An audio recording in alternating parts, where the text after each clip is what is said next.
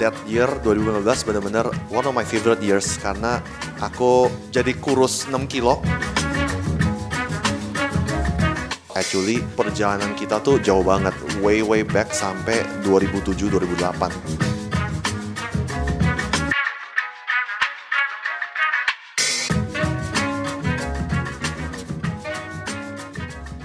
Teman-teman semua, welcome back to 30 Days of Lunch. Gua lagi ada di ruangan yang dingin banget di tempat yang jauh dari Jakarta.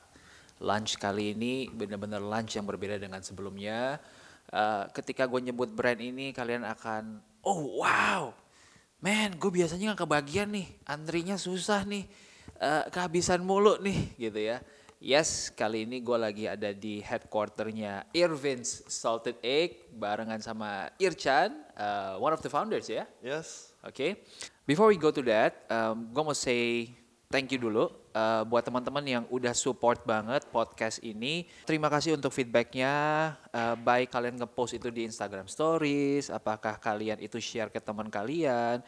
Buat kita, gua dan Aryo itu adalah bahan bakar kita. Kenapa? Karena kita bikin podcast ini ukurannya impact. Jadi the only way we know we are making something impactful is that you're telling us. Kalau ada orang yang bilang, Uh, kemarin DM, hey Rup, thank you banget, gue terbantukan dengan podcast yang ini.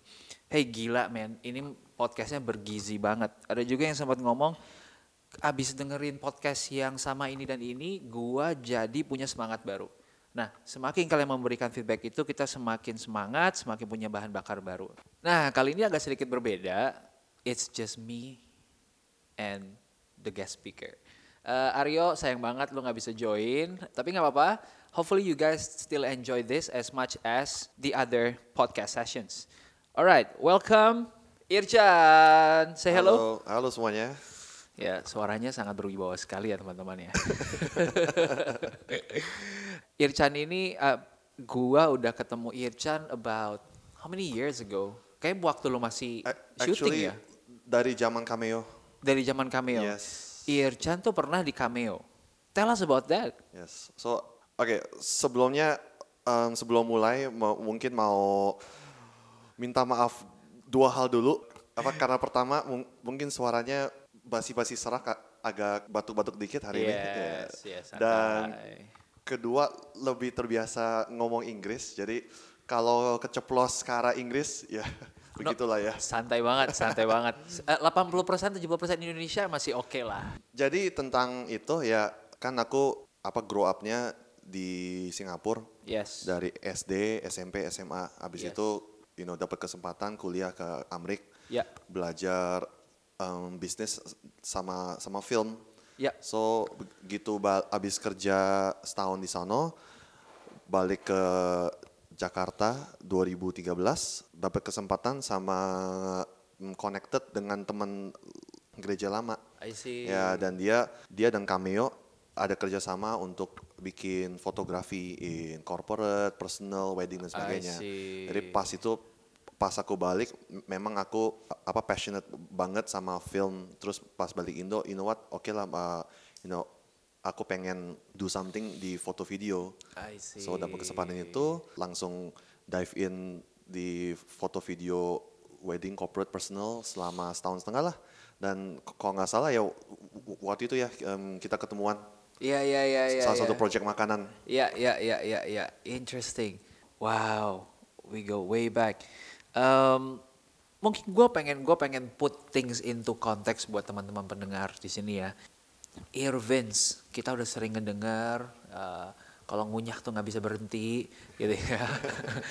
Terutama yang fish skin buat gue aduh jangan deh, jangan deh. Jangan makan fish skinnya Irvins kalau lu nggak ada satu liter aqua di sebelah lu men. Besoknya dijamin lo something dulu lah pastilah lo batuk-batuk gitu kan. Tapi nagih emang enak gitu ya. Nah give us a quick outlook. Irvins itu sekarang sudah sampai mana? Uh, terakhir yang gue dengar bahkan Irvin sampai dikasih reward ya, diajak sama governmentnya Singapura untuk do something Uh, dan sekarang ternyata nggak cuma di Singapura ya. Coba, Ican, uh, what's the latest update? Oke, okay, so latest update sampai saat ini lah ya. Iya, iya, Jadi ya, ya. Uh, yang you ngomong tentang uh, apa Singapura itu, jadi yeah. kita tuh tahun ini apa karena kita sangat dekat sama Singapore Tourism Board, yeah. you know kita salah satu local brand yang cukup berhasil di, di, dari Singapura. So yes. STB tahun ini ada ganti slogan baru namanya Passion Made Possible. Passion uh, Make Passion Made Possible. Passion Made Possible. Yeah. Wah menarik. So tourismnya mau nge-grab orang-orang yang mau ke Singapura tuh mikirnya tuh wow Singapura adalah tempat di mana you punya passion tuh bisa terjadi I gitu. see. So kita dapat kesempatan untuk kolaborasi sama STB dan dan jadi salah satu ceritanya lah di uh, eh, STB Passion Made, Passion Made Possible khususnya untuk market Indonesia. I see. Gitu ya. Interesting. So ya, yeah, so that's STB. So hmm. um, untuk update-update lain, mungkin you know first of all mau bilang terima kasih banget untuk untuk semua teman-teman di Indonesia lah ya. Yeah, Karena yeah. sampai sekarang uh, really sangat grateful tiap hari tiap minggu tuh uh, apa selalu lihat ada customer Indonesia di you know semua kartel kita di Singapura, yeah, yeah. Uh, di Instagram, di Facebook dan sebagainya. Iya, yeah, yeah. Kayaknya kalau di airport uh, ketemu orang yang turun dari pesawat dari Singapura tuh pasti ada kantong plastik kuning gitu deh. Betul gitu lah ya. Yeah. So, thank you teman-teman semua. Yeah. Terus terus. Ya, yeah. so Ya, jadi kita sejak empat tahun sampai saat ini, actually besok hari Senin tanggal 8 Oktober uh, kita buka lagi kita punya kartel ke-8 di Marina Bay Sands. Wow. Ya, so di Singapura officially ada 8. Terus kita tahun lalu August 11 ya. kita buka kartel pertama di Manila, Philippines. Ya. Sampai sekarang ada tiga di ya. Philippines. Chinese New Year tahun ini kita juga buka yang pertama di Harbor City Mall di Hong Kong. Oh wow. Nah, dan sampai saat ini Hong Kong kita ada tiga kartel. Ya. Wow, jadi yeah. total uh, delapan di Singapura, tiga di Hong Kong, tiga di Filipina. Yes, wow. so 14 kartel.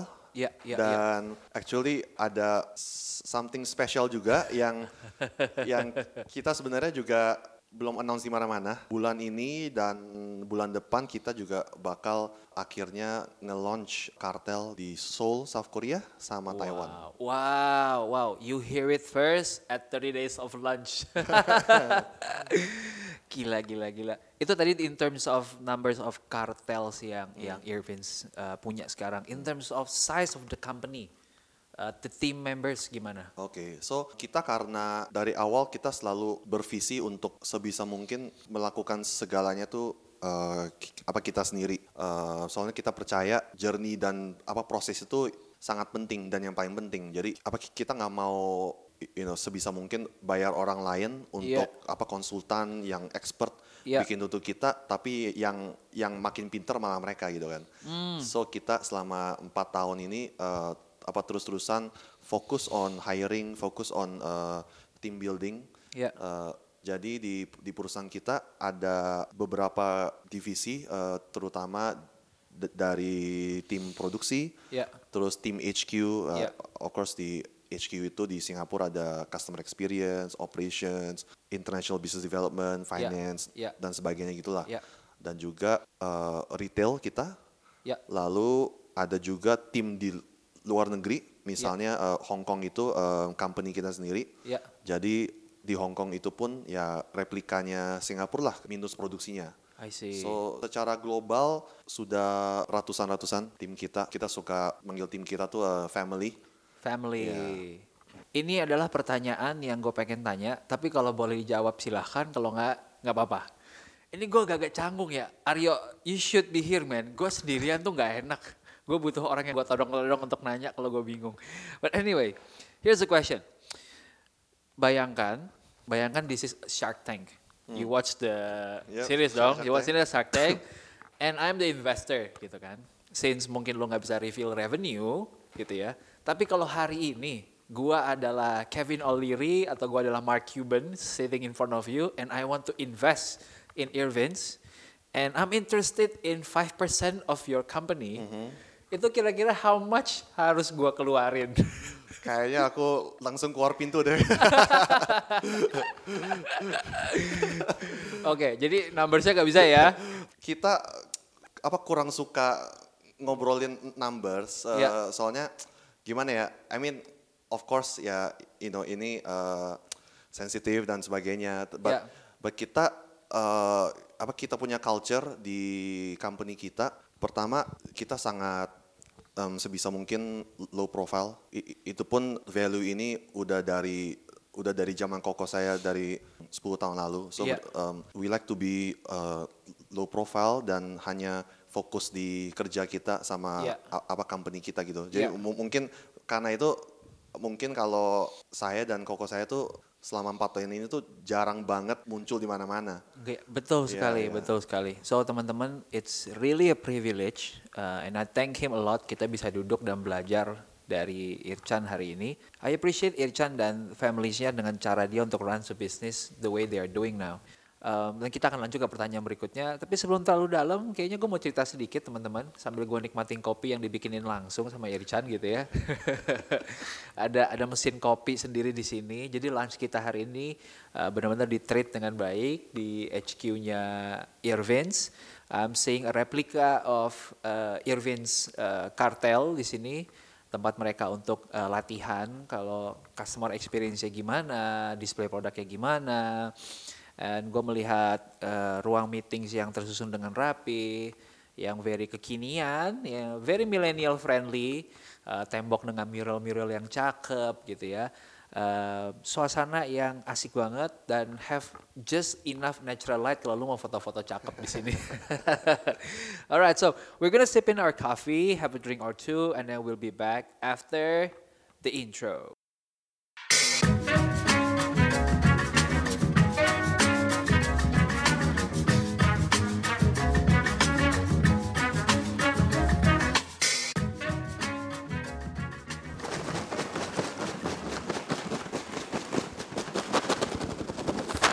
That's the sound, the beautiful sound of a bag of salted egg potato chips. Gila. Teman-teman, uh, eh, gue pengen tahu sih nanti kalian kalau dengerin ini, let me know kalian tuh paling suka yang mana gitu ya. Kalau gue sangat suka banget dengan yang salted egg fish skin. Buat gue itu produk yang I think a lot of people bisa replicate atau mencoba mirip dengan yang potato chips, tapi yang fish skinnya none ever come as close as Irvin's uh, fish skin buat gue itu mantep banget. Nah, apalagi dinikmatin sambil minum kopi yang dibikinin sama Irchan. The best. Alright, kita kembali ke obrolan tadi. Tadi kita udah bawa ini ke kemajuannya sekarang udah sejauh ini. Now, bring us back. Take us back to the very beginning of Irvins. Eh, kan 4 tahun yang lalu, apakah dimulai di 4 tahun yang lalu atau justru ada something yang kita belum tahu? Oke okay, oke. Okay. Kalau pada inget empat tahun yang lalu tuh Salt Lake Snacks tuh uh, roughly nggak ada lah ya di di, di Singapura. M mungkin hmm. awal-awalnya tuh hmm. tahun-tahun itu tuh tahun-tahun um, Salt Lake Croissant, yeah. um, Salt Lake Crab dan sebagainya. Nah kita itu tuh Irvin Salt Lake Snacks brandnya sendiri tuh mulai uh, empat tahun lalu tahun 2014 di, dari restoran kita. Nah cuman mungkin wait This is started as a restaurant? Iya. Oke. Okay. Nah, jadi mungkin mungkin banyak orang yang mikir wah ini Irvin sini tuh uh, cepet banget hmm. dalam hmm. empat hmm. tahun itu tapi mungkin gak banyak orang yang sadar bahwa actually perjalanan kita tuh jauh banget way way back sampai 2007 2008 uh, sewaktu koko saya the the founder uh, Irvin uh, obviously nama Irvin dari Irvin. Ya, ya. Tapi nggak wajahnya begini kan, kayak si uh, makhluk ini kan. actually raut emosinya mirip. E emosinya dimiripin. Oh, gitu. Oke. Okay. dia, dia dia orang yang sangat misterius uh, founder. Oke, okay. poker face uh, gitu ya. begitulah, mirip-mirip lah gitu. Mirip-mirip ya. Oke, okay, oke. Okay. Terus terus ya. terus dari restoran. Nah, jadi dia ya, jadi dia uh, berawal dari uh, restoran. Ya. Awalnya 2007 sewaktu dia balik kuliah dan dia balik ke Singapura, dia tuh awalnya passion banget sama sama coklat. So dia tuh oh. sempetin dirinya jalan-jalan ya mungkin karena excuse ya, tapi sih I mean karena passion.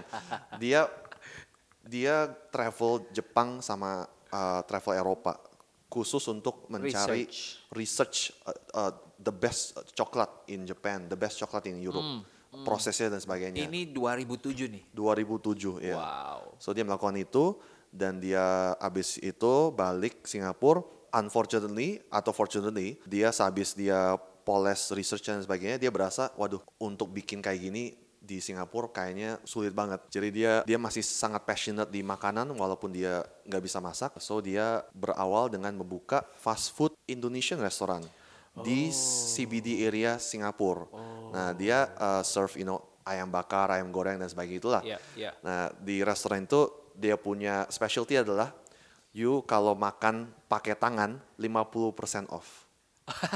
Terus yang kedua, you main main dadu sama dia, uh-uh. kalau angkanya lebih gede, you makan murah, kalau angkanya kalah, you bayar du- du- dua kali lipat. Oke. Okay. aneh-aneh gitu lah dia. Oke oke oke Dia suka yang aneh-aneh ya gitu. Okay. Nah jadi uh, sehabis. Sounds like fun.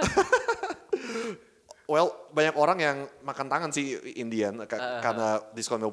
Yeah, uh, yeah, yeah. So itu menarik banget lah ya. Jadi ada apa culture Indo gitu di yes, di Singapura. Yes, yes, yes. Nah abis itu of course buka F&B di Singapura apalagi CBD uh, sangat su sangat sulit. Nah, 2008 dia dapat kesempatan uh, untuk buka F&B di cross sectionnya River Valley Road. Kalau hmm. mungkin hmm. kalau yang pernah ke Singapura ada deket banget sama Great Wall City. Nah, di cross section itu lah dia buka restoran cecar seafoodnya namanya Irvin's Live Seafood. Irvin's Live Seafood. Irvin's Live Seafood. Dia punya moto uh, adalah the most handsome cecar in Singapore. The most handsome cecar. Yes. Uh, what's what's cecar? Cecar itu apa sih? Um, cara masak di Singapura gitu lah. Oh, cara masak di Singapura yeah, cecar. Oke. Okay, cara okay. Singapura. And kalau gua nggak salah, that's where the menu salted egg itu pertama ada, is it? Yes. Oke. Okay. Jadi uh, di Irvin's Live Seafood River Valley, di situlah dia sama chefnya ke kembangin berbagai macam seafood yeah. dan zaman itu I mean salted egg uh, telur asin kan emang delicacy di yeah. Southeast Asia. Yeah. Uh, tapi di Singapura kan kalau you ngomong kepiting paling famous obviously uh, chili crab, chili crab, black pepper yeah. crab, yeah. nah gitu-gitu yeah. kan. Nah, tapi apa Koirvin coba arah beda, coba specialize in salted egg crab. Hmm. Nah, ingat ya ini tuh masih bertahun-tahun apa sebelum salted egg was a thing. Was a thing kayak yeah, sekarang yeah. ya. So dia kembangin sote crab, orang-orang makin suka. Berapa tahun di River Valley dan ini juga salah satu challenge di Singapura. You kalau lumayan berhasil, then what happen berikutnya adalah rentnya naik. Rentalnya naik. Jadi of course nggak ada pilihan dong. I mean yeah, yeah. F&B ya your apa customer base kan walaupun loyal ya ya your customer base is like that. Yeah. So kalau rental naik dan naiknya tuh berkali lipat yang hmm. nggak hmm. mungkin nggak make hmm, sense. Hmm. Hmm. So Ko Irvin pindahin restorannya ke Upper Thompson area. Konsepnya masih sama, cuman dia kembangin buffet dan sebagainya untuk attract user base yang baru hmm. di daerah Upper Thompson. Dan juga 2011-an dia buka di sebelahnya Leban Hong Kong Cafe. So hmm. kayak Hong Kong Cafe untuk serve, you know apa buns, roti, eh, minuman yeah, yeah, minuman yeah, Hong yeah, Kong, yeah. milk tea dan sebagainya. Hmm. Nah di dua restoran inilah dia terus mikirin cara untuk survive. Hmm. Dan salah satu caranya adalah dia mikirin, hey you know what, orang-orang suka banget sama egg crab. Oke, okay. kita harus bereksperimen dengan soto egg. So dia sama chefnya eksperimen like crazy, soto egg chicken, soto egg mushroom, you name it. semua semua dihajar lah di, di menunya ya. ya, ya, ya nah, ya, ya. di zaman 2013 2014 itulah Ko Irvin lihat eh kok makin banyak makin banyak customers yang bukan cuma suka makan salted egg fish skin dan salted egg potato chip sebagai dish di restorannya, tapi sering kali minta tapau dong bawa balik. I see. Gitu. Nah dari situlah dia dapat ide, eh you know what, my customers pengen banget bawa balik Yeah. Gimana caranya? Oke, okay, jadi dia bikin simple. Mungkin kalau bahasa startupnya minimum viable product hmm. MVP. Hmm. Hmm. Uh, masukin di kemasan plastik jar yang apa tutupannya merah. Terus di di selotipin ya gitu yeah, doang. Yeah, yeah, yeah, yeah, yeah. Uh, dan juga dia ada aluminium pouch yang transparan. I see. Udah ada simple gitu doang. Terus hmm. dia pajang di restorannya. Eh makin banyak orang yang yang beli bawa balik makin banyak makin banyak terus ya oke okay, you know what ini sekarang banyak customers yang makin suka dan banyak customers yang bilangin keluarga sama temennya untuk makan di Irvins makan di Leban dan bawa balik oh. ini bawa balik ini snacks I see. so gimana kalau kita coba kembangin ini lagi, coba bereksperimen. So dia buka pop up di CBD area. Ya. Karena kan snacksnya lumayan mahal lah ya. Waktu itu 15 dolar. Jadi cari di tempat yang orang-orang bisa beli. Yeah. Which is of course CBD area. So bu- buka pop up di Raffles Exchange MRT, buka pop up di Tanjung Pagar MRT. Eh uh, responsnya makin bagus makin bagus. Nah dan dari situlah that's where I come in tahun 2015 sewaktu sehabis satu tahun setengah uh, apa koko saya kembangin ini do pop up jualan snacknya di restorannya semakin laku. Uh, terus dia dia minta bantuan saya dan my wife uh, apa kita baru married di tengah 2015 terus minta bantuan. Uh, you know ini uh, makin berkembang nih dan aku tahu um, koko saya he's a very loyal loyal and uh, dedicated udah udah tujuh tahun tiap hari kerja Senin sampai Minggu jam 8 pagi sampai jam 2 pagi. Wow. Dia yang hitung finance restorannya, wow. dia yang do everything, dia wow. yang set up gitu kan. Wow. Terus pas dia minta bantuan aku dan istri saya, of course, you know saya orangnya sangat family man. Aku lihat wow ini, you know, uh, koko saya really uh, stressed out and uh, aku nggak gitu lihat waktu itu in terms of the business potential. You know, yeah. aku cuma lihat, hey, you know, my brother uh, my needs brother help. needs me. Iya gitu. kan? So ya udah, dia minta bantuan aku untuk terjun. aku yang backgroundnya bisnis sama film, balik Yeah. Indo bikin foto video. Iya, iya. Terus tiba-tiba diminta Ko Irvin untuk bangun our first central kitchen yang legit. Karena Oke. sebelumnya tuh snacknya tuh ya kan karena restoran, jadi snacknya Di dapurnya dibikin di dapur restoran. So ini untuk untuk scale up that year 2015 benar-benar one of my favorite years karena kalau dapat project itu tuh aku jadi kurus 6 kilo. jadi benar-benar karena nggak tahu apa-apa harus tiap hari Iya, uh, iya, iya, nongkrongin uh, center kitchennya, Iya, iya, iya. apa pelajarin regulation, Iya. cari kontraktor, ngobrol, desain layoutnya dan juga uh, istri saya bantuin uh, Iya, iya. dan dia juga backgroundnya fashion designer. Iya. Tapi untung karena dia fashion design, so dia sama aku mikir layoutnya, terus ya udah kita bikin layoutnya di apa Photoshop sama AI deh. Oh, karena dua-duanya paham. Pakai ya ya ya. Semestinya kan bikin apa sih? AutoCAD. AutoCAD ya. Iya, iya, kita iya, kita iya. pada ngerti terus ya udah bikin aja di Photoshop. so ya, Ya, you you work with what you have lah. Work what you have, ya. Nah, terus terus. ya udah eh, dari awal 2015 you know timnya hanya koko saya, saya, istri saya.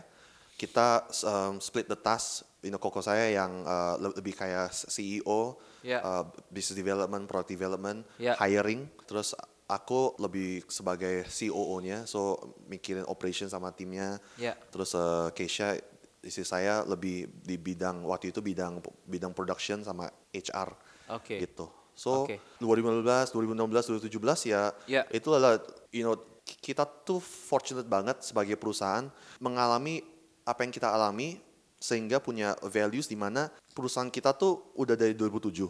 Jadi Ya. sekarang kan udah Ya. Udah 11 tahun. Ya. Tapi kita punya mindset itu tuh mindset startup baru empat tahun. I see. Karena brand kita baru empat tahun gitu kan. Ya, ya, ya. So kita dari 2014-2015 timnya tuh cuman berlima berenam, terus berkembang berkembang ya apa tahun demi tahun kita akhirnya baru punya kartel pertama kita yang official di Vivo City Ya. Juli 2016 dan itu juga that year was was crazy. Apa Koirvin itu tuh orangnya sangat visionary.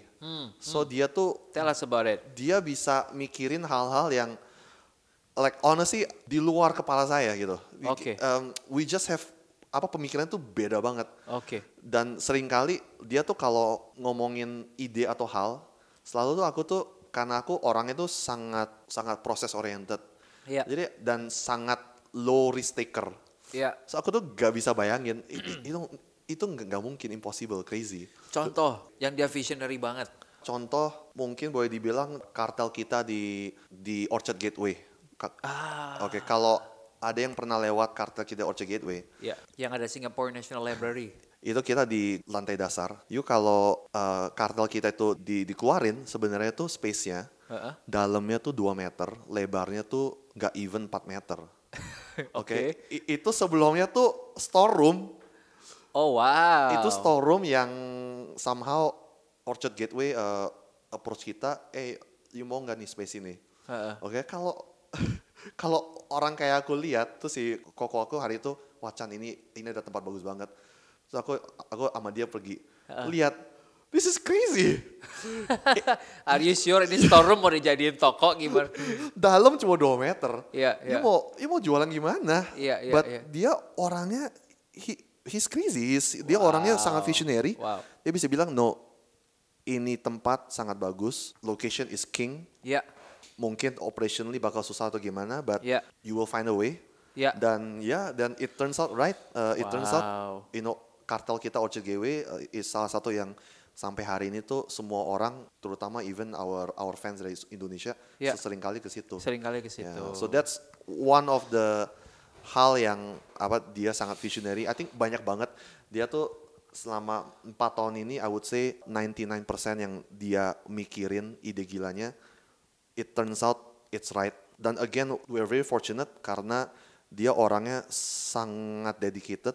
So kalau misalnya dia dari 2007 sampai 2015 itu dia quit his F&B, you know, udah pasrah, udah give up. Yeah. We would we we would we not be here. Alright, yeah. alright. I'm I'm I'm looking forward nih kalau if we have a time one day to to sit and talk with Ko Irvin sih ya. Oke, okay, izinkan gue untuk mencerna ini dulu. Give me 10 seconds karena gue masih in awe. Gila. Oke, okay. ini kan mulainya offline banget ya offline banget and then it builds up over yes. the years, over the years, over the years. Do you think ini lebih karena offline-nya sudah kuat sehingga akhirnya Irvin lebih cepat menggulung hmm. atau justru there is a role yang di mana social media itu bermain? Jadi kita um, ini juga apa fortunate juga karena yeah. koko saya tuh nggak even exist di social media. Oke. Okay. dia nggak make nggak make Instagram nggak make Facebook at all. yeah. Nah, jadi karena itu uh, sebelum aku join ya Irvin itu emang nggak eksis di di mana-mana. So okay. uh, eh, waktu aku join baru dengan background aku di foto video ya aku bantuin brandingnya dan sebagainya yeah, yeah. di Instagram. Yeah. Um, tapi kita ada something yang kita juga sangat spesifik untuk lakuin dan itu adalah kita selama tahun-tahun itu tahun-tahun awal Event yeah, Snacks yeah, yeah, kita yeah. sama sekali nggak spend money untuk marketing untuk social media at all. I see. Wah uh, ini ini menarik nih karena di zaman sekarang apalagi di Indo gitu ya. 2014-15 itu adalah saatnya di mana everybody kalau mau, mau mau bikin bisnis tuh yang pertama dicari adalah eh account Instagramnya udah dipakai orang belum ya? gitu kan terus langsung gitu kayaknya pertama-tama tuh langsung mau hire inilah bikin foto foto sosmed lah yeah. apalah gitu. Ini kayak counter intuitif nih. What, what, what yeah. happened? Iya. Yeah. Jadi I mean obviously I mean salah satu alasan save money juga, you know okay. kan kan aku bisa foto video, ya udahlah yeah. semuanya aku yang foto videoin kan. Yeah. Tapi itu itu alasan sisi lainnya, tapi yeah. sisi utamanya itu kita percaya great product is great product. You mau mau kemasannya kayak gimana, mau dijual yeah. gimana, yeah. kalau produk itu enak, orang akan Orang pergi kan. Cari. Di Indo bakmi paling enak, martabak yeah. paling enak. Iya, mau yeah. masuk ke ganggang, susah parkirnya, exactly. segala macam, yeah. orang tetap jabanin gitu yeah. ya. Okay. Jadi kita kurang percaya dalam hal you know invest berapa dolar tiap bulan untuk boost boost your post untuk uh, promote. untuk promote promote promote gitu. Yeah, kita enggak yeah. apa kita sangat percaya kalau produknya enak, apa customers kita suka akan create positive loop di mana uh, mereka suka, mereka share dengan teman dan yes, family yes, dan yes. dan teman family itu akan balik ke kita dan on and on and on. Yes. Dan uh, of course what happened uh, fortunately untuk kita ya that is exactly what happened. Apa contohnya customers kita dari Philippines itu juga karena di Singapura uh, banyak sekali apa karyawan Philippines yang kerja di Singapura dan suka bolak-balik ke apa ke Philippines. Uh, untungnya Philippines salted egg itu is a delicacy untuk makanan nasi mereka. So mereka makan suka banget sama snack kita pas balik share ke family and friends. Iya, mereka bawa jadi oleh-oleh gitu ya. ya. In the end jadi oleh-oleh deh. Ya, iya. Dan dari dulu sampai sekarang customers kita kayak gitu uh, sharing ke friends and family. Nah ini ini masuk ke topik yang menarik karena Irvins memang buat kita teman-teman Indonesia gitu ya ini adalah produk oleh-oleh, hmm. right? And I think gue sempat ngobrol, I forgot whether it is with you or it is with a few friends lah. Karena gue sempat ada masanya yang gue tuh very pump tentang bikin oleh-oleh khas Jakarta. Hmm. Karena belum ada oleh-oleh khas Jakarta. I think the trigger adalah 2013, the first time gue ke Jepang. Terus gue ngeliat gitu loh, gue ngerasain baked cheese tart. Wow, gue pengen bawa pulang ini mau jadi ini oleh-oleh. Something yang menurut gue secara produk jauh lebih brilliant daripada Tokyo Banana. Hmm. I think Tokyo Banana is overrated. Gitu ya it's banana dibikin cakep. Terus ya udah gitu pisang gitu man. Like lu bisa makan pisang yang lebih enak gitu di Indo gitu kan. But people buy it because of the gifting nature menurut gue gue pulang oleh-oleh gue pengen bawain sesuatu yang gak mau murah-murahan banget harus kelihatan cakep supaya yang terima juga happy. Hmm. Alright. Nah, gue mulai bermain dengan ide gimana Bake Cheese Tart itu bisa dibawa ke Indo. And I actually emailed them. Oh really? Iya, terus kayak ya nggak dibalas. Terus akhirnya baru masuk Indo kan kayak last year. Iya. Eh this year 2018. Iya. Yeah. Ya 2018. Akhirnya tutup juga uh, di Juli kemarin. But the point is, apakah dari awal waktu dari restoran akhirnya menjadi produk yang di package dengan baik, hmm. udah dipunya intention this will be oleh-oleh atau it comes organically lalu baru di adjust lagi.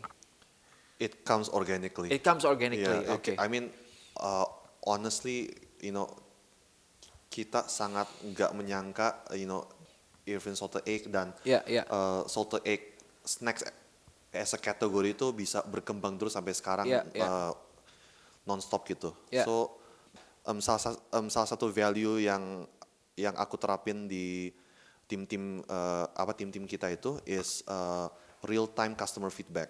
Apa bener-bener apa engage mereka di di semua channel yang ada uh, yeah. engage mereka untuk serve their needs masalah masalah mereka ada complaints dan sebagainya because we believe dengan dengan engage dan dapat feedback mereka ceiling quality kita tuh naik terus gitu. So hmm. apa karena kita tuh uh, bukan kayak mass market giant snacks gitu ya yang di yang di pasar yang di mana apa snacknya tuh konsisten terus. Iya, iya, uh, iya, iya. Apa kita tuh salah satu advantage kita, aku percaya kita punya experience sama pro, sama snack quality berkembang terus karena customer feedback.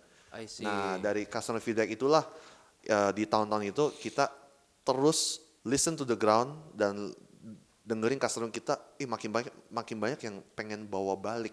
Bukan cuma makan I personally see. karena enak, I tapi see. makan personally karena enak dan bawa balik karena teman keluarganya minta oleh-oleh dari okay. Singapura. Ketika lo mendengar customer feedback seperti itu, strategically as a company, what are the decisions yang langsung kalian adjust? From you or from Ko Irvins? Karena kita uh, mendengar customer feedback ini, yeah. melihat pattern behaviornya, yeah. apa kita decided untuk go all in to make sure that brand kita dan produknya dan distributionnya meet their needs. Hmm, uh, lokasi misalnya jadi ada di Changi, iya, gitu. Di Changi, di Orchard. Oke, okay. ya kan? supaya uh, yang yang biasa jalan-jalan Singapura lebih gampang akses. Iya betul. Okay. Terus terus. Nah, terus kedua kita sampai sekarang cuman punya dan jual snack kita di kartel kita sendiri dan enggak di retail mana pun dan okay. enggak di supermarket mana pun. Okay. Karena itu juga kita percaya, uh, I mean pertama snacks kita memang lumayan mahal yeah. dan uh, snacks kita because uh, of the uh, quality, right? Yeah, because of the quality. quality. You, you, quality. you need that price gitu yes, kan. Yes, yes. yeah. So karena kualitinya high, uh, kita percaya apa produknya harus enak, customer experience-nya juga harus high standards. Okay. So karena itu kita uh, memutuskan untuk fokus in uh, building a great customer experience melewati hmm. our toko kartel kartel kita hmm. gitu. Dan juga e-commerce pun kalau delivery uh, hanya lewat website kita supaya kita bisa kontrol experience-nya dari end to end. Yeah. Kita mau make sure yeah. Yeah. yang beli itu tuh mendapat yang terbaik dari Irvins. Oke okay, oke okay, oke. Okay. So that's some of the decisions yang akhirnya menyesuaikan yeah. dari customer feedback itu. Uh, up, ini gue lumayan ini ya karena gue fans berat nih, jadi gue merhatiin banget. Uh, ngaruh nggak sih sampai ke kayak misalnya uh, kantongnya? Uh, karena sebelumnya kan I think ada perubahan nggak sih? Kayak dulunya harusnya nggak yang kuning kuning itu nggak sih? Yang mana? The packaging. Kantong plastik atau pouchnya? Kantong plastik. Oh kantong plastik. Oke oke. Okay, okay. Kantong plastik. Ya, ini juga salah satu hal yang sangat jenius lagi dari dari Coirvin. Iya yeah, iya. Yeah. So uh, ya kita waktu itu awal-awal ya ngomongnya MVP harus harus make sure yeah, yeah. cost kita uh, baik-baik uh, aja. So yeah, kita yeah, yeah. apa plastiknya tuh ya ya, yang standar lah ya apa you know apa plastik merah plastik yeah, transparan yeah, yeah. pokoknya what's available apa? in the store yang gampang gitu ya bawa yeah. aja lah biar gitu. murah gitu nah, hmm. terus dia dia maku decide oke okay, ini kita perlu le lebih bagus supaya representatif nah yeah. nah di waktu itu kan brand kita memang mulai semakin kelihatan nih oh ini brand brand kita nih uh, oke okay, apa corporate branding color adalah kuning sama hitam. Yeah. Nah, yeah. so kita waktu itu lagi desain dan ini pun you know karena kita do everything ourselves uh, apa kita juga desain semua ini ourselves sama sama teman kita. Yeah. So kita mikir wah ini plastik plastik kita mendingan kuning atau hitam ya. Hmm. Nah the geniusnya dan yang I think what turned out to be correct adalah kita decided untuk uh, apa kuning itu jadi our majority corporate branding. Oke. Okay. Ya, yeah, so uh, waktu itu kita bikin pl plastic bag. Yeah. Terus mulai tahun ini kita udah transisi fully ke paper bag. Yeah. Warna kuning juga. Oke. Okay. Um, dan ya itulah yang yang kayak you bilang uh, tiap kali yes, naik kuning. pesawat yes, it, yes. itu cabinnya tuh kuning semua. Yes, yes, yes. ya, gitu Dan lah. kenapa gue notice ini ya teman-teman? Um, tadi gue sempat mention yang si baked cheese tart, uh -uh. right? Nah, why I love that baked cheese tart karena kuningnya itu juga yang buat gue bikin gue nengok gitu. Hmm. Um, gue ingat banget, I still have the folder di Google Drive gue. Ada satu folder namanya itu oleh-oleh dan itu tempat tektokan ide sama salah satu teman gue. Oke, gue sekarang ingat temen gue ngobrol sama teman OSI gue, kita mau create produk. Gue nggak peduli produk akhirnya apa, tapi gue udah tahu packagingnya harus kuning. harus kuning. harus kuning. karena gini, karena gini. Ini ini buat teman-teman. Uh, um, karena gini, uh, menariknya adalah imagine ya kalau misalkan gue dari Palembang uh, terus pulang ke Jakarta gitu ya. hmm. ya. Uh, satu pesawat itu rata-rata pempeknya itu-itu aja yang orang bawa. Pempek, okay. candy paling sering. Okay. Selalu packagingnya boxnya itu warna kuning dan biru si candy itu. Nah tapi ketika gue ngobrol sama orang lokal, which is teman gue yang paling banyak banget gitu ya. Uh, yang paling enak bukan pempek candy.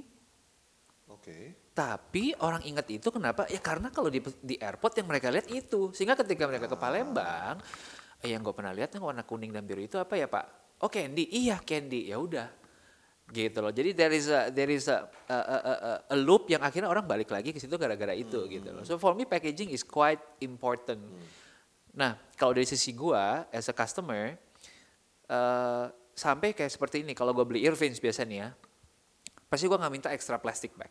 Why? Karena gue mau ngasih ke, gue bisa gue beli lima nih, lima limanya buat ngasih orang, gitu loh. Jadi yeah, yeah. I need that plastic bag harus rapi dan bagus sama warna kuning itu yeah, untuk kalau yeah. gue ngasih tuh enak, hmm. gitu loh. It's it's part of the experience yeah. like you said yeah. tadi, gitu kan? I think kalau kalau boleh tambah lagi ya kalau yeah. ngomongin packaging ini, yeah.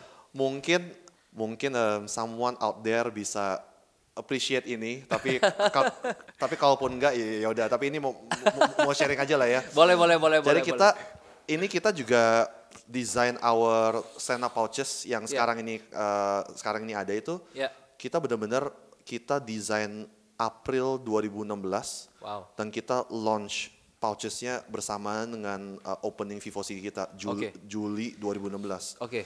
Uh, ini semua again uh, semua kita yang bikin. Yeah. Uh, foto depannya juga yang syuting aku uh, yeah. flat lay doang di yeah. yellow yeah. board itu. Yeah. Terus nggak tahu sampai sekarang ceritanya siapa yang bikin slogan Dangerously Addictive, but it works. It works, yes, yes. Nah terus kita Uh, Koivin sama saya sangat suka desain, terutama Japanese design dan yeah. of course uh, Steve Jobs Apple. Yeah. So you know um, Steve Jobs selalu bikin joke kan di uh, keynote-nya and yeah, you know yeah, yeah. you kalau lihat belakang iMac kita, the back of our iMac is even more beautiful than the front of our competitors. gitu yang kan? dulu zamannya Mac yang berwarna-warni itu ya. Iya betul betul. Yeah, yeah, yeah, yeah. Nah jadi karena Koivin sama saya sangat passionate dalam desain, so yeah. kita make sure when we design this kita benar-benar go all out. Yeah. You know, yeah. Harus something yang kita suka. So yeah. pertama dari segi bagian atas bawah yang ada garis-garis kuning yes, hitam. Yes kayak nah, warning sign. Ya, uh. warning sign. Bagian atas, apa kenapa kita milih experience-nya kayak gini, garis, garis hitam kuning di atas dan pas kamu robeknya itu di situ. Yeah. Sehingga kamu tuh robek seakan-akan tuh you, kamu lagi robek something dangerous. Iya. Yeah, nah, terus I di bawah kalau semoga Alright. ada yang pernah lihat bagian bawah, tapi bagian bawah kita tuh juga garis-garis hitam kuning. Ya. Yeah. Uh, which biasanya tuh kalau you lihat ya pouches lain di market ya yeah. mereka tuh kalau pouchnya hitam ya udah bawahnya hitam. Kalau yeah, kalau nggak kalau if it's silver then it's, it's silver silver. Kalau coklat coklat. Iya yeah, iya yeah, iya. Yeah. But but Koivin sama aku berasa you know what no we love design. Wow. Kita harus sangat mencintai desain. So yeah, yeah. Ini juga salah satu hal yang aku suka bikin joke kalau onboarding new team members is you know uh, uh, uh, gimana um, gimana the the bottom of our pouch is uh, looks nicer than the front of our competitors. Itulah ya.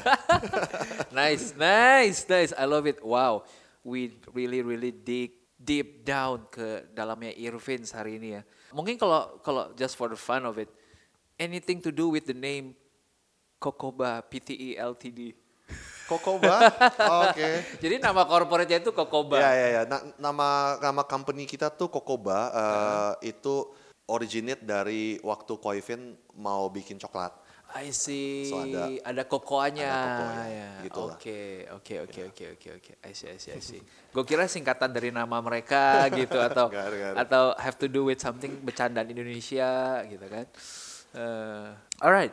Uh, gue gue pengen touch sedikit tentang the failures and the lessons. Oke, okay, I think uh, it was two years ago kita sempat bantuin uh, Irvin uh, to shoot a few photos ya. Yeah. Uh, dan gue ingat waktu itu makanannya adalah uh, hot products, hmm. hot items yang yes. I think before yang openingnya Vivo was it? yes. Ya kan. Betul, betul. Uh, nah, apakah sekarang produknya masih ada atau akhirnya di, di fine tuning lagi dirubah atau ada strategic decision yang dibikin?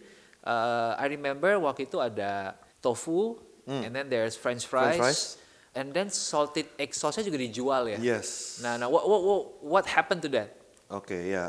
Ya, yeah, I think kalau ngomongin failure gitu, I think yang kita belajar dari tahun demi tahun itu adalah yang paling penting tuh adalah uh, bukan cuman what you decide you want to do, tapi adalah what you decide you don't want to do, right? I see. Um, apa fokus itu tuh sangat penting. Hmm, so kita hmm, waktu hmm. itu kayak you bilang kan kita kan bikin foto buat fresh hot foodnya buat yeah, di Vivo yeah, City yeah, kan. Yeah. Karena I, I like the products. Iya, iya. iya, iya. I think it was a good product. Uh, yeah, yeah. Makanannya enak. Uh -uh. Tapi apa kita coba eksperimen? In the end, turns out 99.9% of our customers kalau datang ke kartel kita tuh datang untuk snack kita, bukan datang untuk fresh food. Gitu. Dari situ kita belajar, oh you know kita belajar bahwa fokus itu tuh ha harus di snacks ya I tapi see. di company kita kita nggak penalize ourselves atau atau tim kita untuk failure kita nggak make KPI nggak nggak mikirin sales juga so um, dan kita selalu biarin semua orang untuk bereksperimen karena kita percaya dengan bereksperimen itulah apa kita bisa terus-terusan mencari uh, inovasi, inovasi jati diri kita, yeah, value yeah. kita yeah. Uh, semakin mengerti customer base kita. Wow. Ya. So mungkin kayak you bilang bener lah, mungkin ngomongnya itu bukan failure tapi yeah, yeah. Uh, pelajaran. Pelajaran, ya yeah. makanya I put it here failures and our lessons gitu ya. Gua gua senang banget the word focus, apalagi tadi waktu Irchan bilang bukan cuma belajar apa yang kita mau lakukan, tapi juga apa yang kita tidak mau lakukan dan kita pilih. Yes. Wow. Ini menarik karena waktu itu I think Irchan as a person dia juga mengalami transisi itu. Karena gue sempat ngobrol waktu kita lagi mau foto, Irchan bisa foto, right? Tapi dia ada di posisi yang, you know what, sepassionate passionate gua untuk foto, now I'm in a position yang gua harus memilih mengerjakan sesuatu yang lebih buat si Irvins gitu. Sehingga sempat ngomong, it's no longer worth my management time. Waktu itu gua gua ingat banget tuh. Nah, kenapa menarik? Karena ini membantu kita untuk memposisikan apa ya? Kalau bahasanya itu kepada baca buku, you have to divide antara working in your business and working on your business. Hmm. When you are working in your business, kayak kebanyakan dari kita umumnya adalah ya kita jadi kayak hamster aja gitu di situ-situ yep. sehari-harinya kayak harus turun terus gitu kan. Kita jadi nggak sempat mikirin scalingnya, nggak yep. mikirin strategi, nggak mikirin big picture.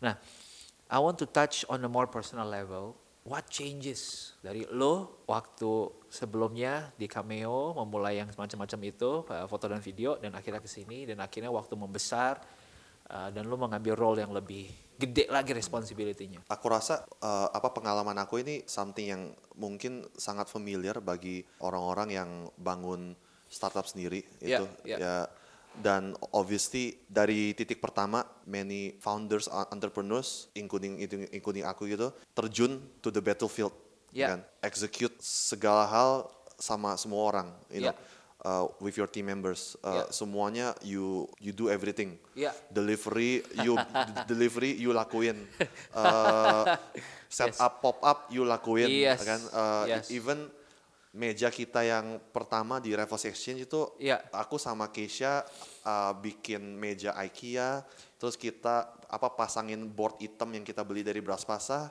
apa selotipin hitam kuning terus taruh logo Irvin nah itu deh our our first move gitu ya, ya. so kita kayak kayak aku ya udah semuanya aku lakuin ya. you know karena manpower pun tim kita waktu itu masih kecil dan hmm. semua orang masih muda hmm. fresh grad gitu kan ya So kita ya udah semua orang Koko Irvin aku or even our team nobody knows what we're doing.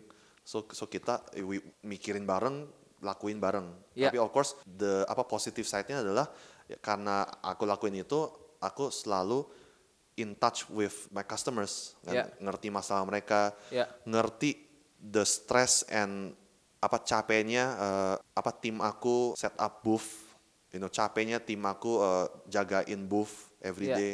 Yeah. So aku apa secara empathy, secara emotional, you know, this is not a business, you know, this is a family. Hmm. Dan uh, you know, dan family kita tuh bukan cuman customers kita, tapi family is you know the people inside our company yeah, yang yeah, yeah. Uh, going with the journey sama kita. Nah, tetapi dari tahun demi tahun semakin semakin tim kita membesar, mungkin ada banyak founder di luar yang kalau lupa diri tuh uh, habitnya tuh adalah walaupun timnya membesar tapi yuk apa kerjain terus kayak nggak percaya um, yeah, yeah, yeah, yeah, yeah, yeah. tugasnya tuh bisa jalan dengan baik ya. Yeah, yeah, Aduh yeah. udahlah, udah gue aja kerjain deh. Gitu, iya, gitu lama kan. gitu kan. Yeah. Yeah, yeah, yeah. Nah aku juga gitu actually. Honestly, you know 2015 sampai awal 2017, you know aku masih kurang percaya mungkin juga timnya masih muda dan yeah. tapi it's it's a normal stage yang harus normal, dilewatin yeah. ya. Terus terus. Ya, yeah, so aku mulai timnya berkembang, aku mulai apa keluarin waktu dikit oh mungkin dari 2015 2016 100% execution mungkin dikit-dikit ya lakuin hal 80% 20% uh, manajemen you know uh, mikirin bulan depan mau ngapain. Sedikit coaching you know mungkin yang kalau awalnya ah salah udah aku aja deh. Terus sekarang mungkin kalau tim member nanya eh uh, Chan ini gimana ya cara do this? Nah aku mulai belajar bukan kasih jawaban tapi aku belajar adalah menurut you gimana untuk solve ya dari situ aku mulai belajar oh you know what? Ternyata in building sebuah perusahaan sebuah company yang paling penting untuk leadership dan manajemen bukanlah solving problems tapi hiring people dan empowering them dan coaching mereka untuk solve the, the problems. problems. Yeah. Which uh, in the end tahun ini dari Januari aku benar-benar maksain diri aku, oke okay, you know what, aku harus tahun 2012 sangat berubah berubah total dari 70-80% doing things, aku tahun ini mungkin doing things cuman 10% dan in the end 90% I, aku fokus myself on management sama coaching. Misalnya contohnya team meetings lebih lebih ada coachingnya. Terus aku juga mulai tahun ini implement in my teams tiap dua minggu wajib aku dedicate waktu 45 menit sampai satu jam with my direct reports. Ya. Yeah. So apa sekitar ada 15 orang gitu, management and below. Ya. Yeah. Dan itu aku benar-benar tiap dua minggu ada one on one conversation sama dia yeah, yeah. untuk coach dia untuk figure out dia yeah. tuh uh, lagi facing problem apa how can I help the person mikirin yeah. cara-caranya untuk solve solve the problems and aku percaya itu makan waktu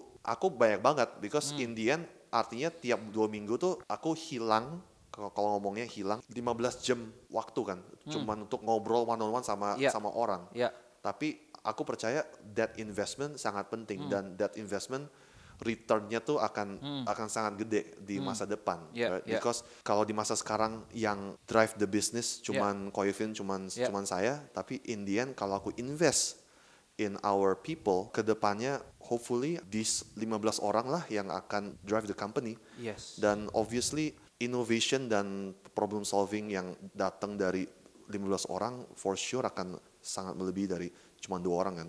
I think yeah. sering kali you know orang-orang bilang wah you know uh, Apple sekarang ya gimana uh, Steve Jobs sudah nggak ada.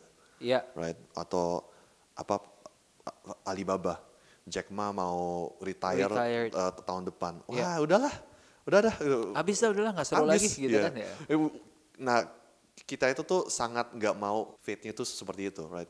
We are building this brand, this company itu untuk 50 tahun ke depan, yes. 100 tahun ke depan, yes. right? Yes. So in order to do that kita harus invest sangat-sangat banyak on our people. So di tahun ini benar-benar radikal perubahannya, uh, fokusnya is on people, hiring orang-orang yang culture fit sama kita, yeah. yang uh, orang-orang problem solvers, bukan yeah. orang-orang yang kalau ada masalah datang ke you untuk minta jawaban. We touch a very interesting point, culture fit. Uh, lo sempat share ke gue kemarin, one of your favorite books is uh, Delivering Happiness. Right? I, I read that book juga dan menurut gue emang gila ya ini si Tony Shea bisa bikin yes. kayak gini gitu kan. like from that book atau uh, from your strategy next yang tadi lebih ke people uh, di tahun-tahun ke depan, what do you see yang lagi lo kerjain sekarang yang bisa ngebantu build culture ini? Right. Uh, yeah. gue ngeliat juga di Instagram lagi banyak hiring ya. Ya, yeah, lagi banyak hiring. uh, Oke, okay, so kalau ngomong culture, yeah. ini juga aku ada radical shift di dalam mindset aku. Awalnya tuh awalnya tuh Koivin sama aku mindsetnya beda. Kalau Koivin mindsetnya orang itu gak bisa berubah. Hmm. Dan kalau aku um, karena pengalaman hidup aku, aku percaya orang itu bisa berubah kalau dia mau. Kayak misalnya hmm. kayak sekarang ini aku nih, aku waktu waktu dulu tuh nggak nggak se extrovert bisa ngobrol kayak gini. Yeah, aku tuh yeah, yeah. apa pemalu dan sebagainya. Yeah. Dan aku pun in my family life atau dating life pun mungkin dulunya tuh kalau ada berantem, uh, you know, uh, berantem and then hari berikutnya baik-baikan, berantem berikutnya baikan but uh, lama kelamaan karena aku sendiri pengen berubah dan uh, Indian aku berubah gitu dari pengalaman situlah aku percaya orang itu bisa berubah kalau dia mau Nah jadi di company kita kan kita kan awalnya waktu hiring 2-3 tahun pertama tuh hiring standards kita nggak se-stringent. Jadi kita mungkin layers of interviewnya round 1, round 2 udah kelar gitu. Ya mungkin mungkin ini orang bisa lah ya. Yeah. join. Nah, nah aku biggest problem yang yang aku encounter selama setahun setengah ini adalah my mindset yang aku optimis, aku pikir orang ini uh, kurang mampu, orang ini value-nya rada beda, orang ini culture-nya rada beda sama value system uh, Irvins. Cuman aku orangnya optimis, aku percaya, no lah, aku cuma perlu coaching, pasti bisa. Bisa berubah dan bisa fit sama Irvins. Yeah.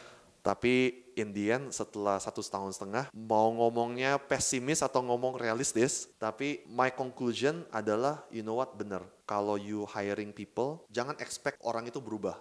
You know kayak kayak hmm. merit kan juga sama kan. Yeah, you, yeah, you, yeah, yeah. You, you, you jangan expect you dating abis itu merit oh, ber berubah gitu. Iya, iya, iya, no, iya. You, you, you, you cannot ya. Yeah. Yeah. So dari situlah aku aku realize oh you know what yang paling penting tuh adalah to hiring people tuh hiring orang yang sudah culture fit dengan company kita, sudah value-nya align.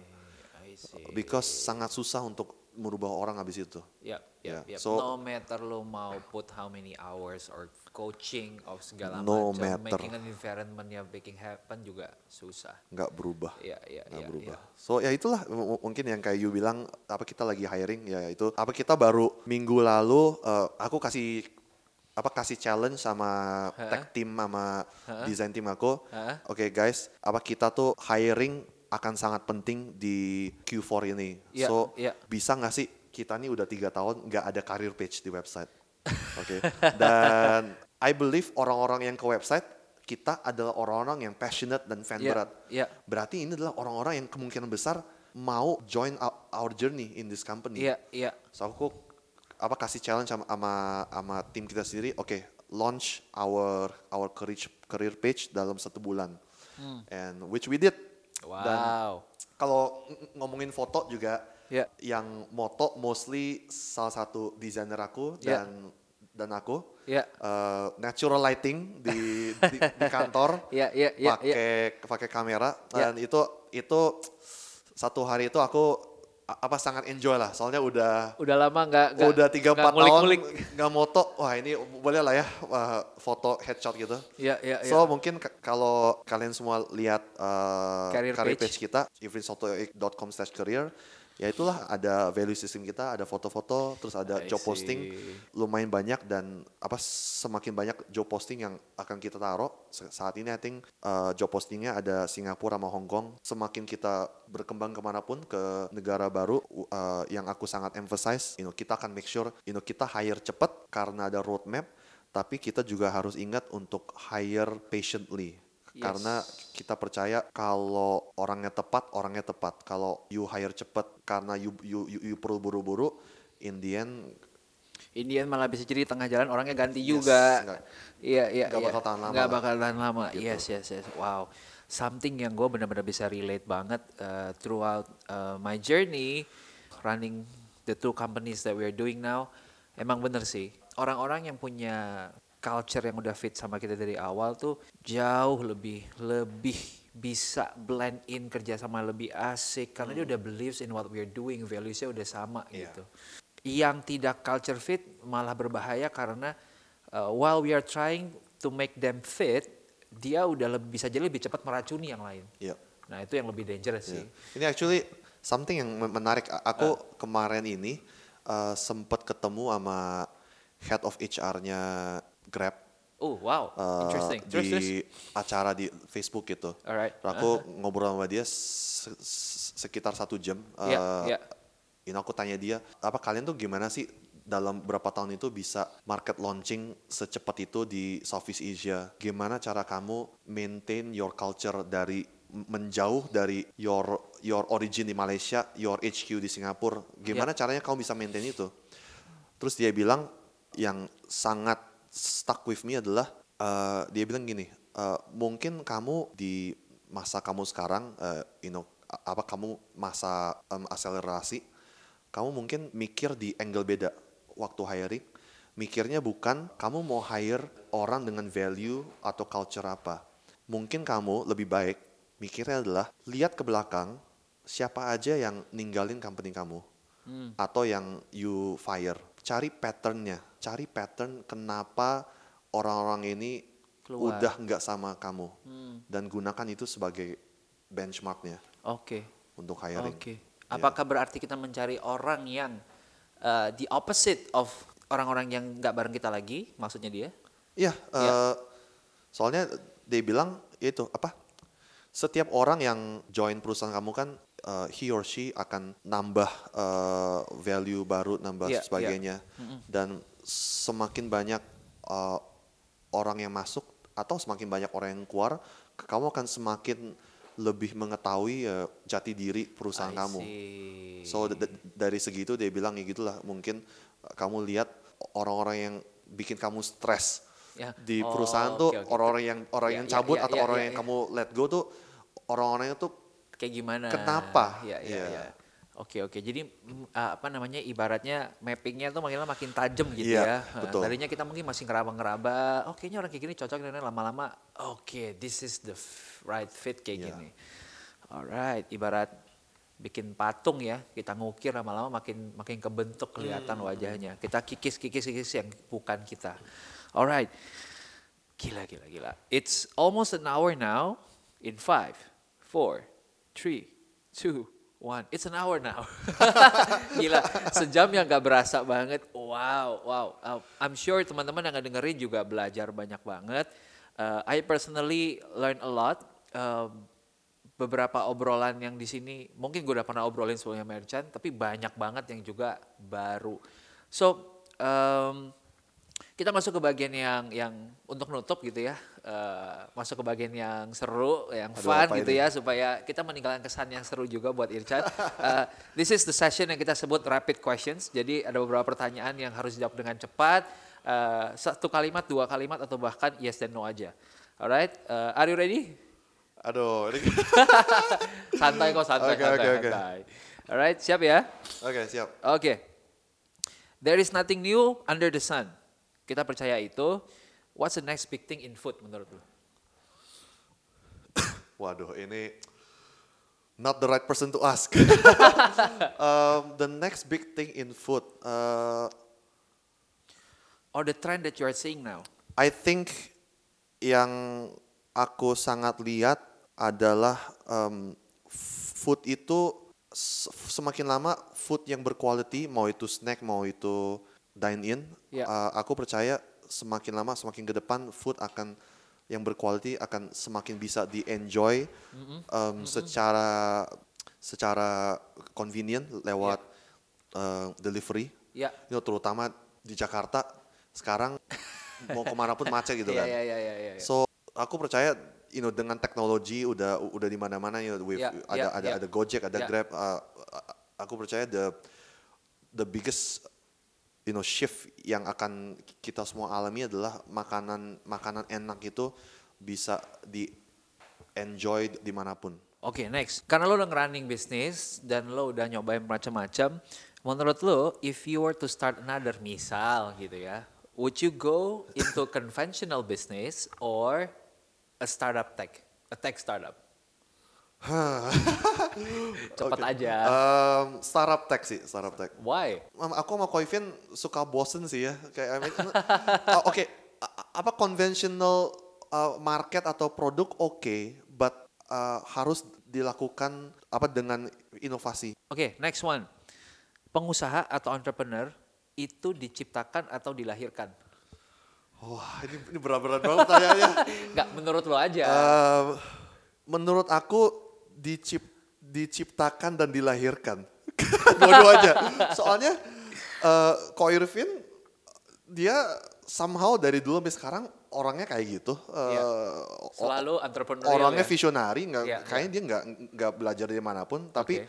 kayak aku gitu, aku nggak ada background entrepreneur, tapi yeah. aku selama tahun-tahun tahun ya semakin belajar. I see. Alright, good.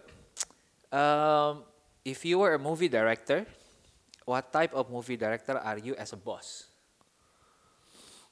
Aku orang uh, as a movie director, aku orang yang akan akan selalu ada di set okay. dan um, syuting bareng uh, everyone apa um, you know gotong royong bareng. Yeah. Uh, ada masalah uh, solve bareng. Yeah. Kalau aku bisa visualize, uh, bos itu tuh kayak kalau di kereta di ditarik sama sama sama timnya. Tapi kalau leader, kalau director film yang on yeah, set, yeah, yeah. dia itu tuh narik keretanya bareng sama bareng timnya. sama timnya. Alright, oke. Okay. Last one, the most relaxed one. Top 5 movie of all time. Waduh, ini karena tahu aku suka film ya.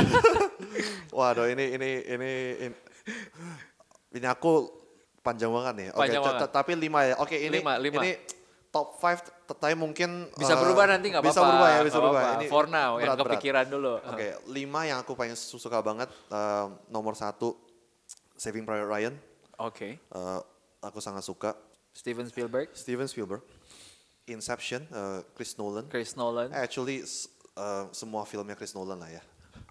High five. high five. We're on the same team, Chris Nolan. Yeah. Um, no, no other Chris Nolan movie? Oke, okay, aku mungkin Memento. itu kalau gini mah top 5 Chris Nolan top movies. Top 5 Chris Nolan. Baru nanti. Oke, oke. Yang lain, yang ya, lain. kira-kira um, film ya. Uh, aku suka Pixar, so you know like uh, Wall-E. Yap, yap. Um, yap. Up. Yap. Gitu-gitu. Oke. Okay. Uh,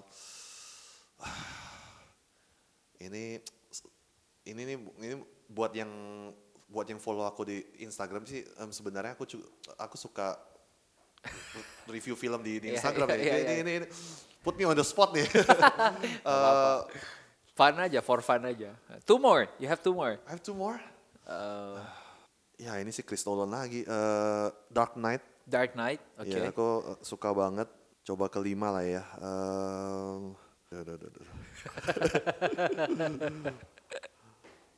susah nih kalau pecinta film gitu ya. Susah. Jawabannya harus dipikirin banget. kalau salah ngomong susah nih. um, aduh. Ada ada ada film yang mungkin dari lama banget. Oke, okay, aku mungkin um, film baru-baru deh uh, yang aku sa sangat jatuh cinta uh, La La Land. La La Land. Ya karena aku uh, background aku aku kan film so waktu aku nonton film dan actually La La Land dan uh, film dia sebelumnya uh, Whiplash yeah, itu, yeah. itu gila bagus banget. Whiplash. But wow. La La Land to me is especially the ending sequence 10 yeah. 10 menit terakhirnya aduh yeah, itu yeah, yeah. gila banget. Yeah.